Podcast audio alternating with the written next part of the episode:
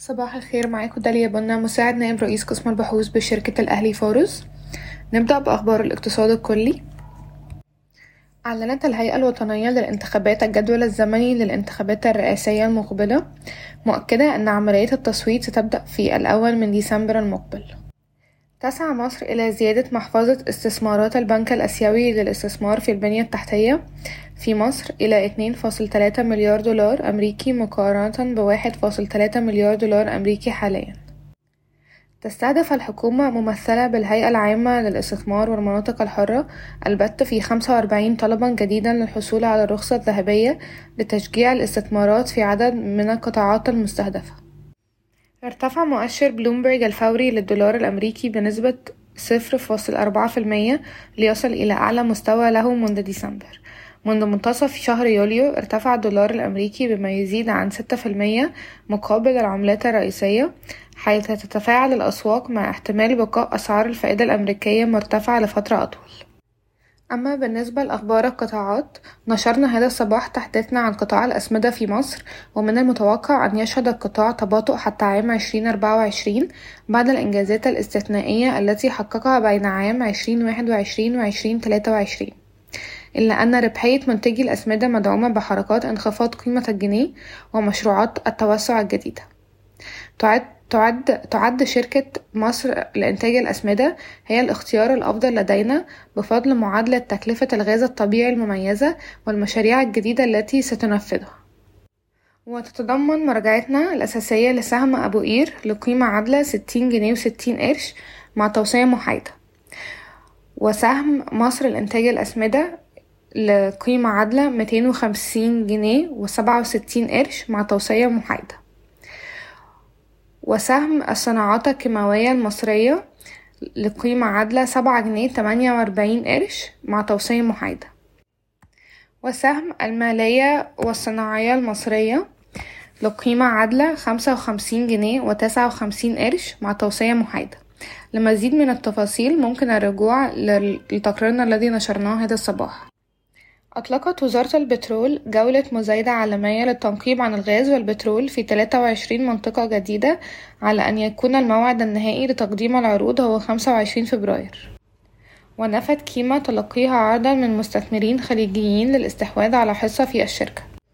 وقمنا بزيادة القيمة العادلة لسهم دايس إلى واحد وسبعين قرش مصري للسهم من القيمة السابقة سبعة وخمسين قرش مصري للسهم وقمنا برفع توصياتنا إلى زيادة الأوزان. والدافع الرئيسي لتحديثنا هي الموجات المتعددة من انخفاض قيمة العملة المحلية مع وجود احتمالية أخرى لضعف الجنيه. ويدعم ضعف الجنيه المصري أرباح الشركة وهوامشها حيث يشكل قطاع التصدير غالبية مبيعاتها بنسبة خمسة وخمسين لستين في المية. كما يتم دعم الهوامش أيضا حيث أن خمسين في المية من تكلفة البضائع المباعة بالجنيه المصري. ويتم تداول السهم حاليا عند مضاعف ربحية لسنة عشرين أربعة وعشرين صفر فاصل اتنين مرة. ولمزيد من التفاصيل ممكن الرجوع لتقريرنا الذي نشرناه اليوم.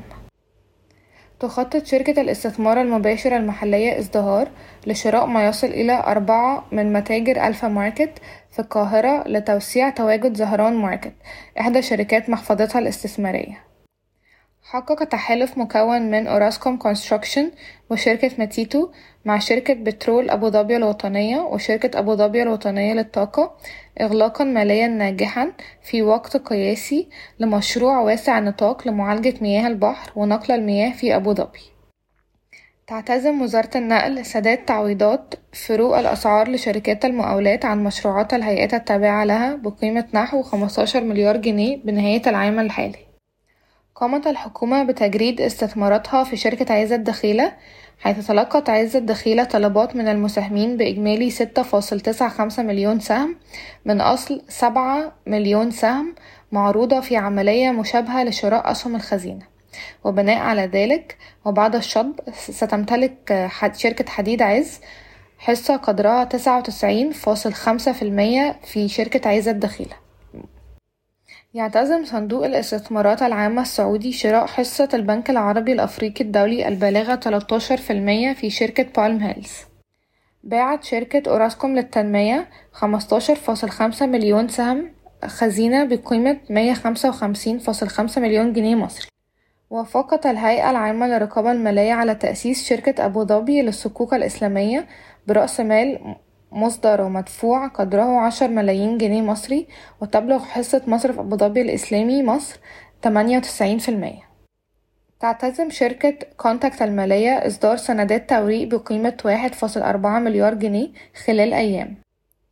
وأكملت شركة بلتون المالية القابضة نقل ملكيتها في شركة كاش للتمويل متناهي الصغر في صفقة بقيمة مية وعشرين مليون جنيه. أظهرت بيانات البنك المركزي ارتفاع إجمالي قروض القطاع المصرفي بنسبة خمسة فاصل أربعة في المية خلال الفترة من يناير إلى إبريل عشرين تلاتة وعشرين مسجلة أربعة فاصل أربعة تريليون جنيه مصري بنهاية إبريل. وارتفعت إجمالي الودائع بنسبة واحد في المية لتصل إلى تسعة فاصل تلاتة تريليون جنيه مصري خلال نفس الفترة. شكرا ويومكم سعيد.